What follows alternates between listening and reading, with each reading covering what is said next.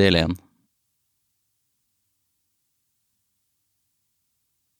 Virvelstormen løyet sakte rundt den nakne kroppen min. Gjennom de blå elektriske lynglimtene skimtet jeg et trehus med mørke vinduer. Jeg var i en hage, og så fort jeg slapp fri, hastet jeg ned til gjerdet som skilte plenen fra fjæra, hoppet over og snek meg bortetter på den andre siden. Etter tre hager var det slutt på dekket, og jeg sto foran en åpen plass med en butikk, en lampepost og noen parkerte biler. Det var ingen andre ute. Havet surklet i mørket, eller havet var mørket, selve mørket. Jeg løp raskt over plassen og inn bak butikken. Tre konteinere, klart glass, farget glass, uff. Sistnevnte så ut til å være en returordning for klær. Jeg klatret opp til åpningen, fikk skjøvet inn luka og dro ut den første posen jeg fikk fatt i. En kamuflasjebukse, en Guns N' Roses-trøye. Jeg fisket ut et par poser til for å lete etter sko, men måtte forlate plassen barbeint. Spaserte rolig vekk uten å se meg tilbake. Etter noen hundre meter var asfaltveien slutt. En bom markerte overgangen til en grusvei. Privat. Jeg dukket under bommen og fortsatte oppover. Da det grålige lyset som foregriper soloppgangen i kystnære strøk begynte å stige oppover fjellsidene rundt meg, kom jeg til en liten steinhytte. Det var ingen å se. Vegetasjonen rundt var velstelt, og en kaffekopp med tørre, svarte kafferester sto igjen ute på en benk. Det var ikke lenge siden det hadde vært folk her. Jeg sparket inn døra, barrikaderte den fra innsiden og la meg i en altfor kort seng, dro en hjorteskinnfell over meg. Jeg våknet av solen som blendet meg. Støvfnugene drev sakte rundt i lyset, og på veggene i fotenden av senga hang hodet til tekket mitt. Det var stille. Det eneste jeg hørte, var den evinnelige øresusen som hadde fulgt meg helt siden første granatnedslag. Jeg reiste meg varsomt, krøp bort til vinduet og skottet ut på tunet og havet.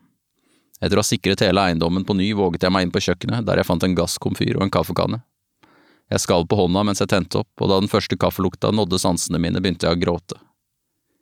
Gjennom vinduet over ommen så jeg innover i fjellheimen, hundrevis av topper, noen av dem snødekte. I det ene hjørnet, synlig fra både sofaen og kjøkkenet, sto det en dekoder og lyste under en TV. 0838. Jeg slo den på, zappet jeg fant en kanal som viste sendeskjema og dato. Jeg var altfor tidlig ute. Kanna på kjøkkenet begynte å tute, og jeg tok den med meg ut, fylte opp koppen som sto der, satte meg på benken med beina på bordet og speidet utover alt det blå og grå, kjente hjertet slå av glede, ikke av nødvendighet. I en hylle under stuebordet lå en hyttebok. Jeg bladde opp på siste utfylte side. Oppom en liten tur og så at alt var i orden, fæl kjøretur over fjellet. Prøvde lykka i Jølstra, men fisken var ikke så lysten på marken i dag. Neste gang blir jakta. I år skal vi ta han bukken fra i fjor. Jonas. Ingen hast, altså. Men ingen mat heller. Jeg måtte videre. Orientere meg. Koordinatene hadde vært ganske nøyaktige, men maskinen kunne fort bomme med noen mil. Det var så mange parametere. Jordrotasjon, krengning, årstid. Jeg ryddet etter meg, redd opp senga vasket opp kaffekoppen, fant ullsokker og et par langstøvler i gangen som jeg så vidt klarte å få på meg. Før jeg dro, skrev jeg hytteboka. Beklage innbrudd, ble overrasket av vær. Jeg signerte ikke, bare lot boka ligge oppslått på bordet. Er du på gjennomreise? spurte mannen bak kassa. De tykke brilleglassene gjorde øynene hans enorme. Han smilte imøtekommende. Jeg hadde ruslet rundt i butikken en stund, ventet på en anledning til å putte et rundstykke og en pakke salami i de vide lommene på bukselårene, men han fulgte meg hvor enn jeg gikk. Ikke mistenksom, bare interessert. Ja, du kan si det sånn, svarte jeg. Da sier vi det sånn, sa han. Hvor er du på vei? Vi skal vel til samme sted alle mann, sa jeg, smilte avvæpnende. Jeg hadde ikke snakket vanlig med noen på det jeg kunne huske, og var redd for å virke avvisende eller uhøflig. Jeg hadde alltid vært god på å småsnakke med folk, kunne holde en samtale gående i timevis, men nå var jeg på utrygg grunn. Jeg kunne språket, hadde lært meg det da jeg leste hele Hamsuns forfatterskap på ett år med russiske og norske bøker, side om side, men jeg forsto ikke de lokale skikkene, de små tingene som gjør at en samtale forløper uten pauser og pinlig stillhet, så jeg ville helst si minst mulig. Heldigvis lo han. Du sier noe, jeg før deg, vil jeg tro. Han satte seg på stolen og tok opp et kryssord. Jeg puttet raskt rundstykkene og salamien i lomma og gikk mot kassa. Mannen spratt opp igjen, klar for å ekspedere meg og snakke enda litt til. Du hadde ikke det jeg lette etter? Ikke det? Hva var det for noe? Beef jerky. Tørket, krydret kjøtt. Det er veldig amerikansk. Tørket kjøtt av jeg, da. Et øyeblikk, sa han og forsvant ut på bakrommet. Han ble borte i et minutt eller to. Jeg lente meg over disken, kassaskuffen sto åpen. Jeg tok halvparten av sedlene og dyttet kassa forsiktig inntil. Se her, tørka reinkjøtt. Sjølskutt og sjøltørka, sa han stolt. Også disse. Jeg la rundstykkene og salamien på benken foran ham. Hvor mye blir det? 96 kroner. Jeg rakte ham 100 kroner av hans egne penger. Han tok imot, la pengene i kassa. Det blir fire kroner i veksel, sa han, og rakte meg pengene. Hvor langt er det til Årdal? Tja, det er vel en syv–åtte mil, tenker jeg. Kjører du bil, eller? Ja, løy jeg. Da er du der om en liten time. Jeg takket og gikk, tok opp reinsdyrkjøttet og begynte å spise før jeg var ute av butikken. Veien slynget seg inn og ut av tunneler, under overheng og over små broer. Spede elver kastet seg utfor fjellsiden og var i noen sekunder noe spektakulært, før de ble en pytt som drev sakte videre gjennom betongrør og metallrister. To sorte bremsespor endte i en liten hjort med bein og nakke i umulige, forvridde stillinger. Kråkene hadde allerede hakket ut øynene, så hjorten lå der og stirret på meg med tomme, mørke øyehuler. Vi satt på taket av et naust like ved og ventet på at jeg skulle gå så de kunne spise videre. Jeg tok tak i bakbeina og dro kadaveret i grøfta, satte meg på huk og strøk den over halsen. Før jeg reiste meg, ville jeg lukke øyelokkene, men de var borte, de også. Naustet var ulåst, vannet skvulpet så vidt innunder døra, og grønne alger og mose strakte seg langt oppover treverket. I den ene enden av en trebåt lå et stort garn i en haug, et par årer lå møysommelig plassert langs veggen. Jeg dro døra inntil og sjekket garnet for kroker og andre skarpe gjenstander. Ingenting. Det var ikke som å ligge i senga med hjorteskinnsfellen, men det var trygt, selv om havet utenfor tålmodig forsøkte å kreve eiendom tilbake, kreve tilbake plankene, spikerne, båten, garnet, årene og meg. Men havet hadde god tid, i hvert fall i kveld. Når havet først får dårlig tid, får det oftest viljen sin. Treverket i båten gjorde mykt motstand da jeg spente fra med beina. Det var morkent, men hadde bevart noe av livet i de fuktige omgivelsene. Linjene i treverket var fortsatt synlige gjennom tjærerestene, Hengslene på dørene var ornamenterte og rustne. Det siste jeg så før jeg sovnet, var en kniv med rødt plasthåndtak spiddet inn i bunnen av båten under den ene toften. Den hadde mørke render av størknet blod.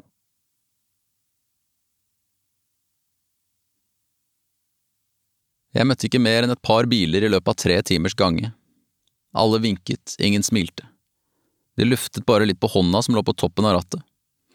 Jeg kom til en brygge, så meg rundt og steg ned i en snekke som lå der. Døra til kahytten var ulåst, en gasskomfyr og en vask, et spisebord med benker på begge sider. En seng innerst, skap i lys, tynt lakkert treverk overalt. I det første var det redningsvester, i det andre sengetøy og håndklær. Så i det tredje fant jeg en tykk ullgenser og en allværsjakke.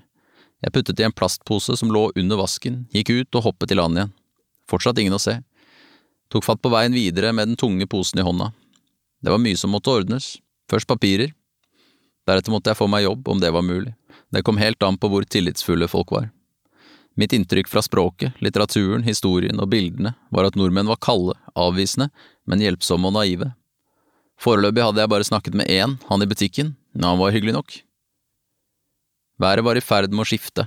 Et nytt skylag kom ned fra fjellene for å møte mørket som var på vei innover fjorden, og mens jeg sto der og så frontene drive mot hverandre, begynte det å falle, regnet, brått og tungt, i løpet av minutter oppsto nye bekker og fossefall overalt på fjellsidene. Alt ble dyvått, grønnere, sortere. Saltlukta fra fjorden ble døyvet av duften fra fjellet, gresset og blomstene. Kom igjen, lo jeg, og gapte for å fange regnvannet. Jeg spaserte rolig gjennom hovedgata. En bil passerte i stor fart mot der jeg kom fra, stereoanlegget på fullt, uhensiktsmessig lavt karosseri, småjenter i baksetet. Bare en pizzeria var åpen, Tre ungdommer satt på en benk utenfor og lo. En gammel Opel ruset motoren, tutet, og den ene jenta spratt opp, løp bort, satte seg inn, og de kjørte etter den andre bilen. Lyset inne på pizzasjappa ble slått av, og han ene på benken spratt opp, løp inn. Hei, få kjøpe en cola til, da, ropte han, og lyset ble slått på igjen. Unnskyld, vet du om…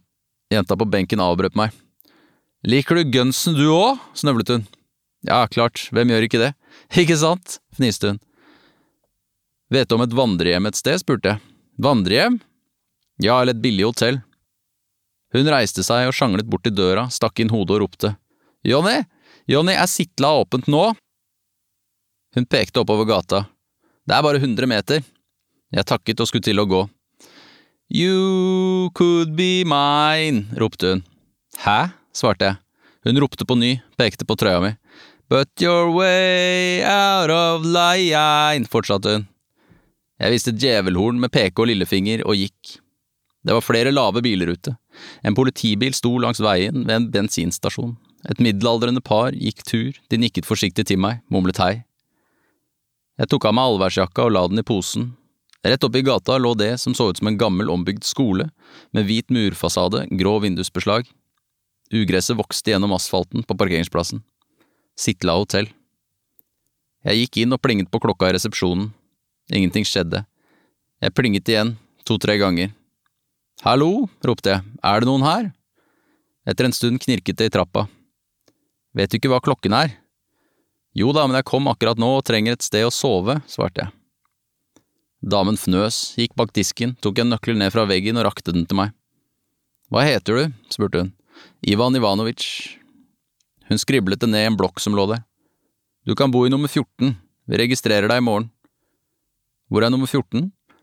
Borti gangen der, svarte hun, allerede på vei opp trappene igjen. Rommet minnet om en hybel jeg hadde bodd på. Seng på ene veggen, skrivepult og en stol på den andre. Et klesskap med oransje dører i hjørnet. Utsikten var halvt blokkert av noen svære busker som hadde tatt over blomsterbedet rett utafor vinduet. Sto jeg på tå, så jeg så vidt fjorden.